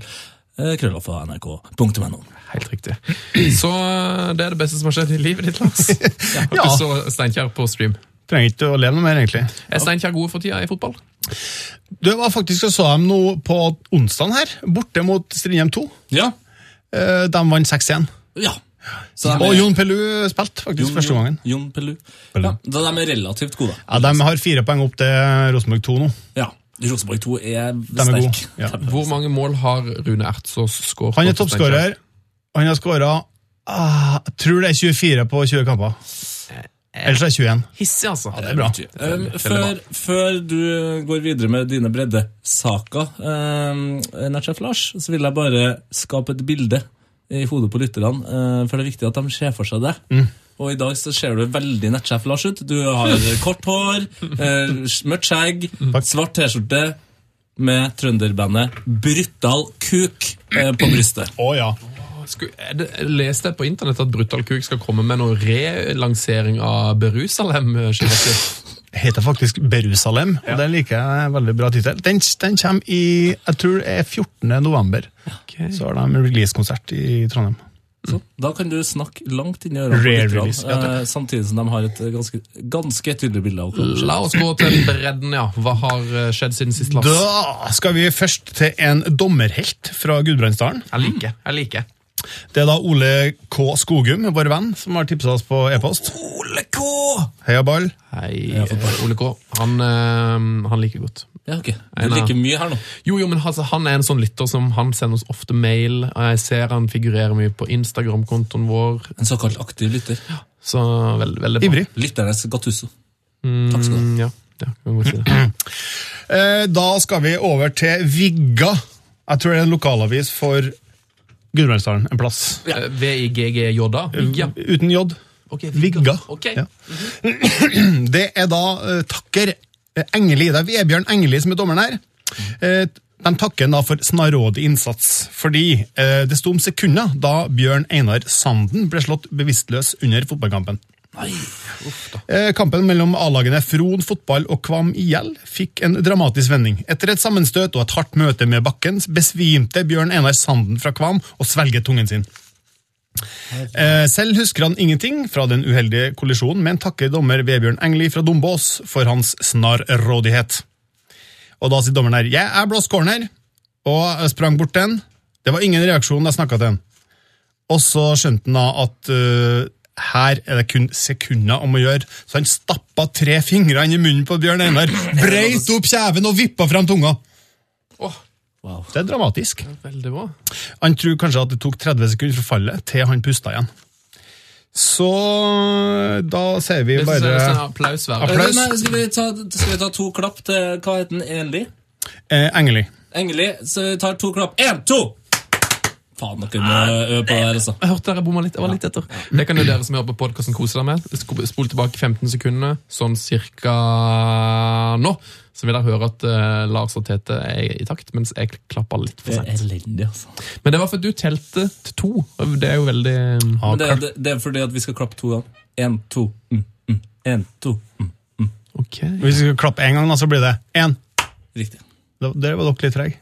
Nei, men altså, jeg trodde å, jeg trodde jeg skulle være med. Jeg La, trodde la, skulle meg, vise. la, meg, la meg prøve, da. Én, to, tre. Veldig bra, boys. Nå har vi altså naila det her eh, En systemet. siste gang. Ok. Null. Ah, det var- Helt riktig! Bra, gutta! Skal vi gå videre til neste tips? Ja, jeg håper den er like hjertevarm og koselig som den forrige. Nei da, den er ikke det, men eh, det er i hvert fall et frodig språk fra Ringsaker Blad her. Og er det han, eh, er det han med dassen? Å ja. Å, yes, den har jeg lest! Det her er ikke lest. Det er da Vegard Nomerstad som har tipsa oss. Hei, Vegard! Hallo! Heia fotball, Vegard! Pluts, ja, na, na, en som heter Mats òg, som har tipsa oss om det samme. da. Men um, han sier i hvert fall Hei, eh, Mats, òg! Hei, Mats òg! Hei, Så Sven. mange bekker små. Mange bekker, Mats òg! Heter han Mats Altså, heter han Mats òg? Eller heter han Mats og, og, og som også Husker ikke han heter. Heter Mats Nokka. Nok Å. Hei, Mats Nokka. Nå er det nok Å her. Dette var nesten litt for gøy, Synes jeg. Skal vi se, kanskje vi skal klippe litt til det? Skal vi- Nei da. skal vi ikke gjøre. Ok. Skal vi se Å, Hei, Sven Tete og nettsjef Lars. Heia fotball! Heia fotball. Heia fotball. Vegard Omerstad. Jeg har en breddefotballnyhet som kanskje kan være av interesse for dere. Da har han kommet til riktig sted. Yes. Veldig bra avlevert. Tidligere AIK, altså Sena Sverige, parentes, det visste vi. AIK. Spiss herjer for Brumunddal i andredivisjon. Så han har henta fra svensk fotball og nå skåra sju mål på sju kamper etter han signerte for klubben i juli. Og da er det da den saken til, fra Ringsaker Blad her. Eh, Ingressen går som følger. Innlåste spillere neseblod, straffespark og røde kort. Dette var hovedingrediensene da Brumunddal slo Førde borte lørdag. Det høres ut som den feteste kampen noensinne. Det er da, ja, det er da han svenske spilleren der som han eh, Mats han, Nei, Ve- Vegard. Har han den svenske spilleren nå? navn? Han heter Sayo Jagne. Eller Sjagn. Han, han er svensk-gambisk. Ja, ok. Ja. Um, han ble fint spilt igjennom etter tolv minutter, og da gjør han som han gjør i hver kamp, sier han, nemlig skåre. Alene med keeper satte da svensk-gambieren ballen i det lengste hjørnet. Og så står det der eh, Etter pause tok det litt tid før det ble noe særlig å melde om, men da skjedde det fort. Innbygger eh, inn, Ja, innbyg, Innbygger og innbytter! innbygger òg, faktisk. Ja, han er innbygger, ja. Han bor en plass. Eh, Ikke utbygger, si. Eh, ja. Eh, innbytter Vegard Ruud, for øvrig med fan, egen fanklubb på plass, ble lagt ned i feltet, og Dala fikk straffespark. Dala er da Brumunddal. Ja. Eh, eh, Frank Semou var som vanlig stødig på labben og ventet til keeper sprellet i det ene hjørnet før han trillet ballen i det andre. Ja. Rutinert Frank Semou. Det er rutinert å vente til helt en spreller, i hvert fall. Ja, ja, ja. Det være at han dro på litt der da for eh, kunstnerisk Jeg tror kanskje avisa drar på litt. Eller keeperen, tenker du? Altså, jeg, jeg tenkte jo avisa. At avisa kanskje har overforsterka følelsen. da. At, at keeperen- Så keeperen et avisa. at, jeg, vil tro at, jeg vil tro at keeper har gått litt tidlig. eh, At han har trillet ned i hjørnet, men så skriver avisa at han ligger og spreller i hjørnet. Som ja. Jeg tviler på at han lå liksom og sprella. Og keeperen sier «Nei, nå må jeg dra på litt, og så bare hiver jeg meg noe jækla, og så ligger og spraller. Nei, det høres, eh, det høres ut som at de har tatt seg noen kunstneriske Dra på, friheter. dra på videre, du òg. Ja, jeg drar på. Beklager avsporingen. Uh, mot slutten ble det skikkelig temperatur i Førde. Det kommer enda med et navn her. Dardan Rekshai. Rekshai. Og hjemmelagets Tor Are Dvergsdal duellerte hardt, og det gikk en kule varmt for begge i etterkant av duellen. De voldsomme tildragelsene ble belønnet med direkte rødt kort til begge to. Men som du nevnte, det artigste skjedde før kampen. På do. Da var det nemlig tilløp til dramatikk på dass! Drama på dass. Det ble noe spesiell inngang på kampen for Dala, og spesielt øh, Håkon Olmen. Hei, Håkon. Stopperen, han er midtstopper, måtte, gjennom, han måtte innom porselenet før kampstart, men kom seg ikke ut igjen. Døra gikk i vranglås, og vaktmester måtte tilkalles for å uh, bryte opp døra. Dermed ble kampen åtte minutter forsinket i Førde. Så det var ikke så dramatisk historie som den første, men den var øh, nevnelig. Ja, ja, nei, altså Vi har jo opplevd det her sjøl, der vår uh, kollega Jørn Kårstad faktisk uh, låste seg inn på sin egen do. Eh, og det ble jo faktisk en stor sak eh, på rogalandsk radio, der de da ringte en, eh, en Betuttet Kårstad. Ja, ja, en fortvilet og betuttet eh, Kårstad, som da ikke kom seg på jobb, rett og slett, eh, fordi han satt fast på do. Så det, skal ikke kødd med det, altså. Å Nei. sitte fast på do. Det er ikke gøy. Er det første gang vi har uh, hørt om en kamp som er forsinka før noen låser seg fast på do? Nei, det kan jo Det er første gang jeg har hørt om det. Første gang jeg har hørt om. Ja. Eller Første gang det har skjedd. Er Et veldig fint referat. Hvem er det som har skrevet denne fremme fra saka i avisen? Eh, det er jo godt håndverk, syns jeg. Det, Journalisthåndverket til Nesjef Lars er det nok flere spørs nei, større spørsmålstegn med. Altså, Det er det nok. Ukreditert uh, Ringsaker Blad må nå holde. Ja, Veldig bra til dere i Ringsaker Blad. Tusen takk for fin sak. Og send oss gjerne tips dere der ute da, om eh, flere breddesaker. Vår e-post er Heia fotball! krøllalfa.nrk.no. Boom! Eh, Er det noen flere breddesaker å melde, Netchef Lars? Nei. Ingenting? Nei. Men hvorfor ser du da ut som du Nå har du kryssa hendene og det ser ut som du nekter å dra fra studio. Hvis du har med deg noe Ok. mer her ok, da. Uh, vi har satt opp et lag, ja, du, Sven. Ja, vi har dessverre det. Ut, uten meg? Uh, ja, altså, det, det kom seg da når vi satt og så en match på en fotballpub. Så ble vi inspirert til å sette opp et drømmelag. Da, eh, jeg lurer på om det var første serierunde mellom Stoke og Liverpool. Ja, det kan nok ha vært det. Um, Ja, nå, trodde jeg, nå trodde jeg kanskje at dere fant på det her eh, sist lørdag, når dere så United eh, Liverpool. eh, for da er det For jeg har jo skjønt nå hvordan lag det er ved å se på det. Ja. Det er litt artig, for at jeg fikk jo ikke være med dere fordi jeg var barnevakt. Men jeg skulle jo hatt det laget når jeg var barnevakt. Skulle jeg ikke det? Ja, absolutt. Jo, Ja. jo, jo, riktig. Det er et Ja. veldig barnevaktvennlig lag. Det er det. Eh, og det oppsto ja, det oppsto nok mellom Liverpool og Stoke ja, i seriepremieren. Men vi, må, vi måtte finpusse det litt på det før vi kunne presentere det. da. Ja, det er, Derfor er det da hovedsakelig Stoke og Liverpool-spillere på det laget her. Ja, det er vel kun Stoke og Liverpool. Ja, det er det. Eh, Men det spesielle med laget, da, og det skal vi høre snart, det er at det synges på en melodi. Og det Ja. har vel ikke blitt gjort før her. Nei, det tror jeg ikke. Nei. Det er bra du synger kor til vanlig, da. Ja. Det Laget heter da Trollmor XI, Yes, det gjør det. og det går som følger. Skal bare være med og slenge på. Ja, ja ok. Vi tar nå. Aib, aib, aib, aib, dioff. Aib, aib, aib, aib, dioff. Aib, aib, aib, aib, dioff, dioff. Aib, I'm, I'm, I'm Dios Sann.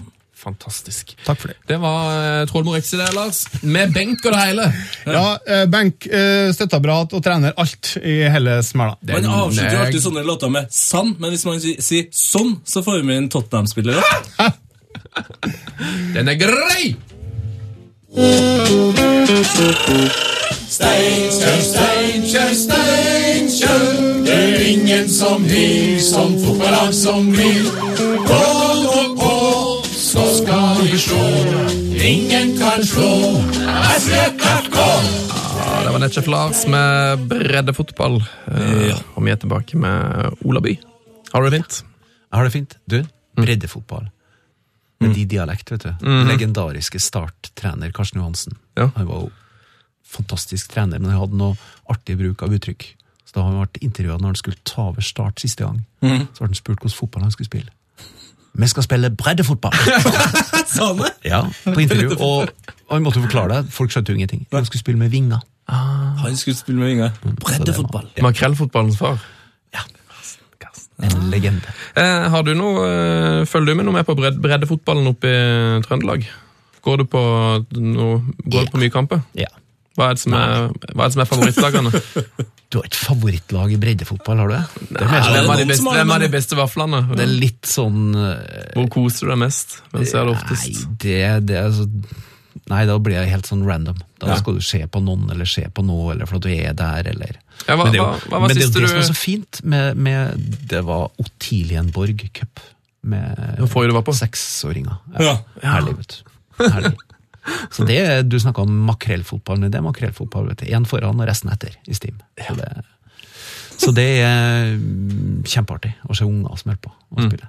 Er det sånn at du går eh, Går du nå og sikter deg inn et talent som skal ende på Ranheim? Har du vært og sett på noen, noen 15-16-17-åringer som du har lyst til at skal spille for Ranheim i framtida? Jeg har sett så, så mye fotball over så lang tid at jeg vet at dem som da er dominant på et eh, tidspunkt, trenger ikke å være det etterpå. Du må vite hvordan er driven, Mm. hvordan er folk skrudd sammen her. Så det er ikke bestandig at du ser på folk når de er så små at de kommer til å bli gode. Per Siljan Skjelbre tror jeg er et unntak. Han eh, så jeg fra han var ganske liten, og han skilte seg ut. Mm. Er Ja, som- han- Men jeg, jeg har sett mange som har skilt seg ut, og som du ikke oppdaga når de var 15, for da hadde de visna. Mm. Som ei løvetann. For, mer det motsatte, da er det noen som, som bare sånn Som måtte bare kjempe seg gjennom, og så bare så ble de kjempegode, som liksom aldri var best. Ja, egentlig så altså Rune er Bratseth er jo et altså, som da er Spilt Europa, altså vunnet Europacupen med Weider Bremen. Eh, og Spilt i Tyskland, og Frans Beckenbauer sa at eh, han skulle ønske at han var tysk, så vi kunne ha brukt den på det tyske landslaget. Og Rune Bratseth han svømte jo rundt i en udefinert midtbanerolle på Rosenborg like etter at han var kommet dit, i ganske voksen alder. Da var han jo 22-23. Ja. Og, og ingen som kunne foreslå at han skulle spille en europacupfinale på den tida. Men han hadde en, eh, et fantastisk steg. Han hadde spenst, han hadde hurtighet.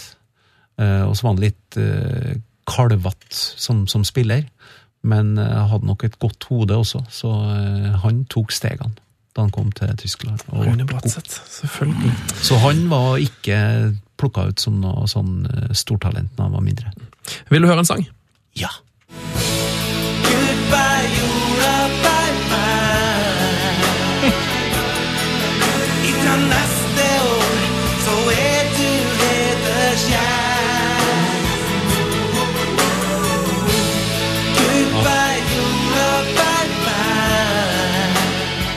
Det er fint. Vet du, den er fin. Ja, Den den er- er fin! Jeg husker første gangen jeg hørte den. Da eh, skulle spillerne eh, synge den inn. Det, det jeg skulle slutte. Helt på Da jeg bestemte meg for å gi meg Jeg tør ikke å si når det var. Noen år siden. Og da skulle jeg kjøre derfra jeg hadde satt av, og så satte de på musikken inn. Det var oppe i eh, Trondheim en plass, på et studio. Så hørte jeg en der, og så ble jeg sittende og høre litt, og så tenkte jeg at det, det var litt vemodig. Ja. Det var litt trist. ja, det tror jeg på. Så, eh, Kom det en liten tåre da, eller? Nei. Jeg kjente på den nå. Men, men nei, jeg syns faktisk det er litt sånn jeg, Det er litt sånn eh, nostalgisk eh, vemodig. Og egentlig er jeg sånn Jeg blir jo sånn slått til jorda igjen. Altså, de laga den fine sangen. Mm. Liksom bare til meg. Mm. Det er Flakne Ingebrigtsen, altså. Det, men den ble jo så fin, vet du, at eh, jeg fikk jo en telefon fra dem. Da Rosenborg begynte å gjøre det bra i Champions League, Ja. så lurte de på om de ikke kunne bruke verset. Bare tonene fra verset. Når de skulle spille Champions League-sang. Laga ny Champions League-sang. Ja, ja. For de ville bruke den igjen. Ja, ja, sier jeg selvfølgelig, bare gjør det. det var, og det var jo, skulle jo bare mangle. Men eh, det la jo på en måte den død, for nå ble det jo Champions League-sangen som det, Det- assosiert med. ikke sant? Ja, ja, at. Den kom jo aldri med på noen plate etterpå, for du kunne ikke ha en plate med likedanne vers på to sanger. Men Da skal Men, vi eh, gjøre vårt i hvert fall til at den her skal blomstre igjen, for den låta her er helt fantastisk. Ja, den er altså. faktisk eh, veldig fin. Og sjøl om jeg ikke har vokst opp på Nardo, strengt tatt, uh, Nardo-ramp og sånn, men eh, det var så nære at uh, Det fikk gå. Jeg syns den er helt uh, strålende. Så, Ja, ny- Det det er nydelig. Tenk deg å få en sånn sang, da. Herlig fred. Herlig. Ja, det er helt konge. Eh, fotballen er fin sånn. Setter pris på heltene sine. Eh, jeg har fått spørsmål fra Aksel på Twitter. Um, det er ikke noe du trenger å tenke så lenge på det her. Det er egentlig ikke et spørsmål heller, når jeg tenker over det. Med en oppfordring. Mm. Ja, altså uh, Aksel vet at visste at du skulle komme som gjest, og så sier han spør om en eventuell eh, selvbiografi eh, på engelsk skal hete Ola. Da blir det Ola by Riise. Så det, jeg spør om det. By Rice. Ja. Du, når vi var guttunger, så hadde vi Drømmen var å spille i England. Så jeg hadde en kompis som het eh, Asgeir. Han var Archie. Archie. Og jeg var Ollie by Rice. Ollie Byrice. by Rice. Ollie by hørtes Rice. Veldig, veldig Ja, så dere hadde liksom allerede gjort det klart, ja? Yes! Archie Ja. og Ollie by Rice. Lekekamper på Løkka, vet du, hvor vi snakka engelsk. Og, uh, Du, det he goes to the right.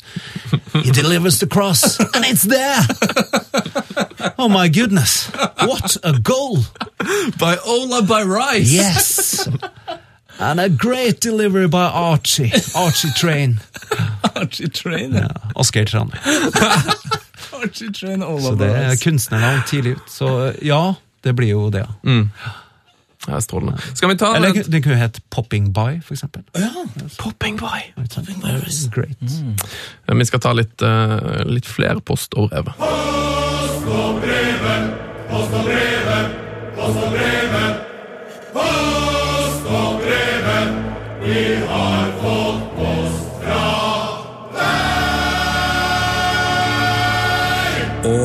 det har vi. Vi har fått eh, en mail eh, av Martin Bryn. Hei, Martin! Eh, han skriver 'Heia fotballgutter'. Heia fotball, Martin. Um, etter en begredelig serieåpning skal Mourinho angivelig ha forbudt spillerne sine å spøke, tull og fleip i Chelsea-garderoben.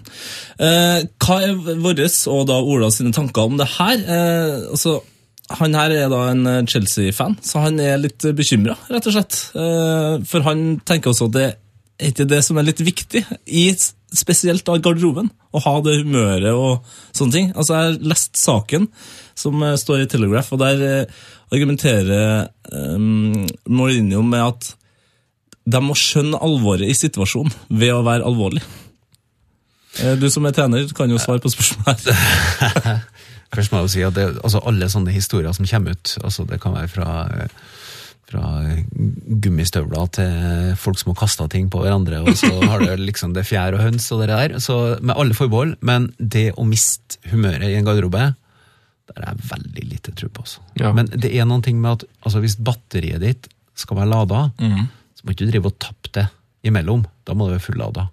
Eh, Bruk en Kåre Kåre Ingebrigtsen som et kjempegodt eksempel. Han var en ekstremt god spiller å ha i en garderobe, for at han fylte meg med det positive humøret helt frem til du skulle slå på knappen med alvor.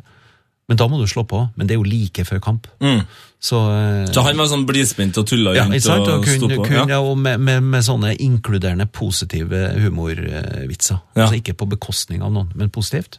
Og er, altså hvis historien stemmer, så er det et veldig alvorlig sykdomstegn. Altså det, Hvis du skal gå rundt og være trist, så blir du ikke noe bedre. Og det er jo en del spillere, en del trenere som da i en sånn situasjon sende spillere på byen eller finne på et eller annet noe artig, noe fjas, for å få igjen humør og gnisten og gleden. Det, så det høres ikke ut som noen sånn skikkelig vinneroppskrift, men la oss ta det med en klype salt. La oss uh, gjøre det. Ja, Jeg skal ikke sitte her og kritisere eh, treningsmetodene til José Mourinho. det vanskelig. med være veldig, veldig forsiktig med det. Jeg tror de fleste skal gjøre det, men eh, det, han, han er jo artig. Han er en artig mann, og han er i hvert fall ikke A4. Ja, og det som er litt artig nå, for vi spiller jo denne her da på onsdag, så om ikke så veldig mange timer så skal Chelsea spille mot uh, Tel Aviv. Tel Aviv, tenker Ja, du på? Tel Aviv. Uh, sorry, Tel Aviv.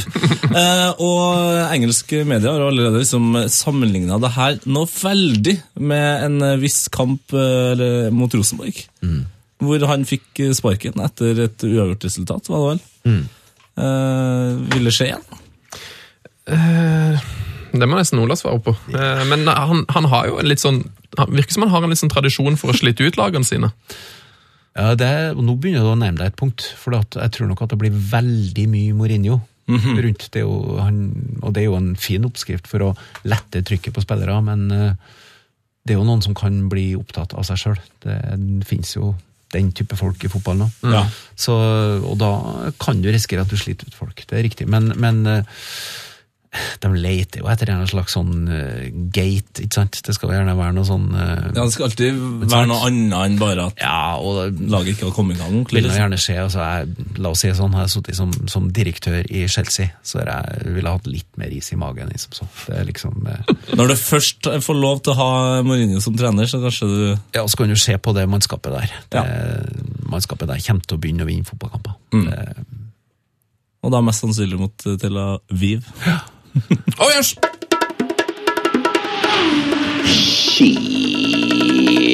Det rakk vi ikke. Yes, Vi har kommet til den utrolig kjappe spalten eh, der vi da skal gå gjennom ting vi ikke rakk å snakke om. Og i dag var det utrolig mye vi rakk å snakke om. For at vanligvis har vi jo, snakker vi om masse fotballnyheter, sånn, men nå har Ola fortalt så mye koselig historie at vi har ikke fått snakka om noe av det. Nei, Men sånn er det bare. Det betyr bare at podden eh, ble bedre av det. Eh, Men ja, vi kan jo bare ta kjapt noen ting vi ikke heller rakk å snakke om. Som f.eks. da eh, Jerome Boateng la ut et bilde av Thomas Müller i et bayersk tjenestepikekostyme. Det fikk vi ikke tid til å snakke om. Det er spesielt. Vi rakk heller ikke Anbefaler å se det bildet, forresten. Ja, se det bildet. Eh, vi rakk heller ikke å snakke om at Podolsky planta både foten og fjeset i gresset for Galatasaray eh, på tirsdag. Eh, der han prøvde å skyte med venstrefoten. Han er så høyrefot. Ja, det var det, det så vondt ut. Det er noe av det vondeste jeg har sett noen eh, gjort. Eh, vi rakk heller ikke å snakke om Luke Shaw. Nei, uff. Nå ser jeg Ola Nei, det, var, det var bra ikke vi rakk å snakke om Egentlig er glad for at vi ikke rakk å snakke om det. Og vi rakk heller ikke å snakke om at, at Ronaldo nå har da altså skåra Åtte mål på to kamper. åtte mål på to kamper. Det rakk vi ikke å snakke om. Nei, mannen er helt rå. Vi eh, rakk heller faktisk ikke å nevne quizen vår, Tete, men eh, kan vi bare nevne så vidt. Kjapt så kan vi bare nevne at den er på Instagram. Eh, og vi trekker en vinner, eh, og du får beskjed på mail, men vi rekker ikke å snakke om det.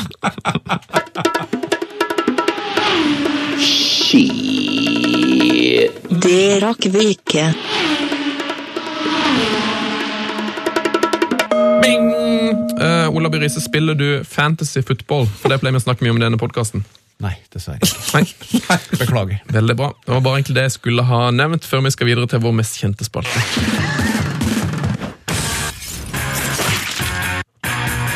Heia fotballs glory hall. Oh yes! Oh yes! Nå er det altså Nå skal det hylles, Ola. Uh, vi har en en slags Hall of Fame, en eh, hyllestklubb oppe på stjernehimmelen, eh, hvor vi hyller våre fotballhelter. Og det er vel noe sånt som 80 stykk snart i, i den klubben. Ja, det er alt fra de aller, aller beste, som eksempel Ronaldinho og Batistuta, som vi glemte å nevne Vi sist. glemte å nevne Batistuta sist. Cafu er der. eh, Og så har du dem, Ronny Johnsen, Ja, altså- Berg. og så har du litt, de litt rare, som Lloyd Lislevan, eksempel, som eh, turnerte eh, Kypros og de kypriotiske øyer. Eh, eller Stefan Guvars, som ikke skåra et eneste mål i VM 98, men likevel eh, fikk gull. gull. Altså, det er de, dere, de herlige typene, de, de som jeg og Sven, og lytterne våre, på en måte har hengt oss opp i, da. Som er i den klubben her. Eh, Så spørsmålet er, hvis du skulle hylla en, en spiller, hvem skulle det vært? Hvem er det liksom du har et ekstra godt øye til? Det. Det var vanskelig. Ja, nå fikk du et utrolig Straffe, blikk. liksom, altså. norsk, Du har- utenlandsk. Det- Du kan velge akkurat hvor du vil. Du har, du har jo skrevet uh, diktbok. Eh, Hylla du noen spillere der, eller var det kun dikt om, om fotballen som, Nei, som seg sjøl? jeg har egentlig ikke skrevet diktbok. da. Det var en antologi, altså en samling av Ja. dikt. Og så var det sånn fotnoter rundt det. Hva det her kan brukes som, og hvilken eh, sammenheng. og... Ja, for Det het eh, Dikt i garderoben. Dikt i garderoben. og Du og Nils Arne Eggen. Ja, Ja. Nils Arne og jeg. Det var jo klart, han var å dra trekke plasteret, men jeg gjorde mye av jobben. Altså, jo, men ikke sant? Det var veldig greit. Eh, så jeg supplerte med litt nye lyrikk og litt sånn, ja. Ja. Um, men det er jo Men Nils Arne Eggen er vel den der i klubben deres, ikke? Han er der, kjenner Er Han er ikke den, han er Ja, der han det. Det er veldig fint. Eh, godt svar. Vi skal sette inn en eh, ny helt nå. Også i dag kan, Du kan bare lene deg tilbake, så skal dere få, høre ukens hyllest. Men nei, altså, u, ukas helt Jeg kan ikke fatte og begripe at han ikke har blitt hylla her før. Eh, jeg måtte nesten gni med øynene. Jeg har sjekka da, gjennom listene våre, men han fins ikke. Vi har av en eller annen helt sinnssyk grunn ikke hylla han før nå. Eh, han er ikke her. Og jeg tror jeg vet hvorfor. Eh, Dagens helt han er så selvsagt i enhver hyllesklubb at man nesten bare antar at han er der. Eh, Ja, Selv da vi hylla Batistota i den aller første episoden, så hadde jeg en følelse at han allerede var blitt hylla. Han fyren her, han er liksom han, er, han er en av de store. En av de virkelig ikoniske spillerne i gamet. Eh, Jeg vil gå så langt som å kalle han for kongen. Eh, Han har gjort alt en fotballspiller kan gjøre. Altså, Glem trofeene. Han har skåra, dribla, flikka, assistert for laget sitt. Han har chippa, hamra, banka, stupt og leika ballen i mål. Til en kollektiv hyllest fra nesten alle fotballspillere og fotballkjennere i verden. Alle jeg kjenner, er litt glad i han fyren her, fordi han var så mye mer enn fotball. Han var et eh, unikum, en kunstner, en poet, en mann som malte Picasso med lissene sine til etterfor. Han var et konsept, og det var det som var så deilig med han. Du visste aldri hva han ville finne på. Og plutselig så la han bare opp. Han la til og med opp på en kul måte. Og det bare fortsatte. Eh, reklamene han spiller i nå, er kule. Filmene han spiller i nå, er flotte. Strandfotballkarrieren hans sin var kul. Ja, han er faktisk så kul at han en gang klina så mye med dama si på flyet på vei til Stavanger at han fikk tilsnakk av flyvertinna om bord. Type, sier du? Typenes type! tetefar. Så la meg avslutte med et spørsmål. Why does the seagulls follow the trawler? Why? Svar, da! Ja, uansett hva du svarer, er det feil. Det er fordi de ønsker å se Erik Cantona flykicke en fisk som den nettopp har dratt opp av havet med hendene sine. Så kjære Erik, jeg kan ikke fatte det. Kjære kong Cantona, eh, velkommen til Heia Fotballs Glory Hall omsider. Wow! Sånn var det. Ja, Det er, tror jeg er en av de Fantastisk. aller beste Glory-Hallene vi hadde. Og det er jo, som du da påpeker, sikkert også fordi han har vært i den Glory-Hallen egentlig før vi fant på spalten. Ja, han kantonal, liksom. Ja, Det er ingen som, har du noen gang møtt noen som syns at kantona bare var dritt? ja, en engelskmenn før han liksom slo igjennom. Ja, og kanskje, og kanskje han fyren som uh, Kanskje er han fyren. Han som har litt færre tenner uh, av Nei, men han, eh, det er helt riktig. 80 stykker, og så ikke han. Det, ja, Ja, det er bra. fikk, fikk, et, fikk strengt blikk der. ja. Det var bra vi gjorde det nå, når du var på besøk. Det var kjempefint. Ola, du må ha en fin fotballhelg. Er det, hva er det som står på menyen av fotball for det? Nei, det kan være litt forskjellig, men helga forlenges med faktisk klassikeren Ranheim Brann på mandag. Yes. Så det er dere som skal sette kjepper i hjulene til Brann? Ja, eller motsatt. Eller motsatt? Nei, det er vi som skal Nå kommer proffene fra Brann skal spille mot de lokale deltidsspillerne fra Ranheim. Det blir kult. Ja, Det var utrolig uheldig med timinga, for nå er jo Brann for første gang på lenge virkelig i døtten. Ta, ta Det var i Sogndal da jeg kom til Ranheim. ikke sant? Så som det gikk. Eh, Du må ha god helg, Olav. Tusen takk for at du var Takk var innom. Ja. Veldig koselig. Det her- Fantastisk program. Så, å, det er utrolig hyggelig å høre. Det her må vi gjøre igjen. Da avslutter vi som alltid med å si heia fotball. Heia fotball. Heia fotball. Frank de Boer speelt de bal. Heel goed naar Dennis Bergkamp. Dennis Bergkamp. Dennis Bergkamp neemt de bal aan. Dennis Bergkamp. Dennis Bergkamp. Dennis Bergkamp. Dennis Bergkamp. Dennis Bergkamp. Oh! Frank de Boer speelt de bal naar Dennis Bergkamp. Die neemt de bal feilloos aan. En ik schiet de bal erin. We spelen nog officieel 20 seconden. Dennis Bergkamp. P3s Heia fotball. Ny episode hver fredag. Last ned din nye favorittpodkast på p3.no podkast. P3. P3. Dette, dette Dette er P3. P3.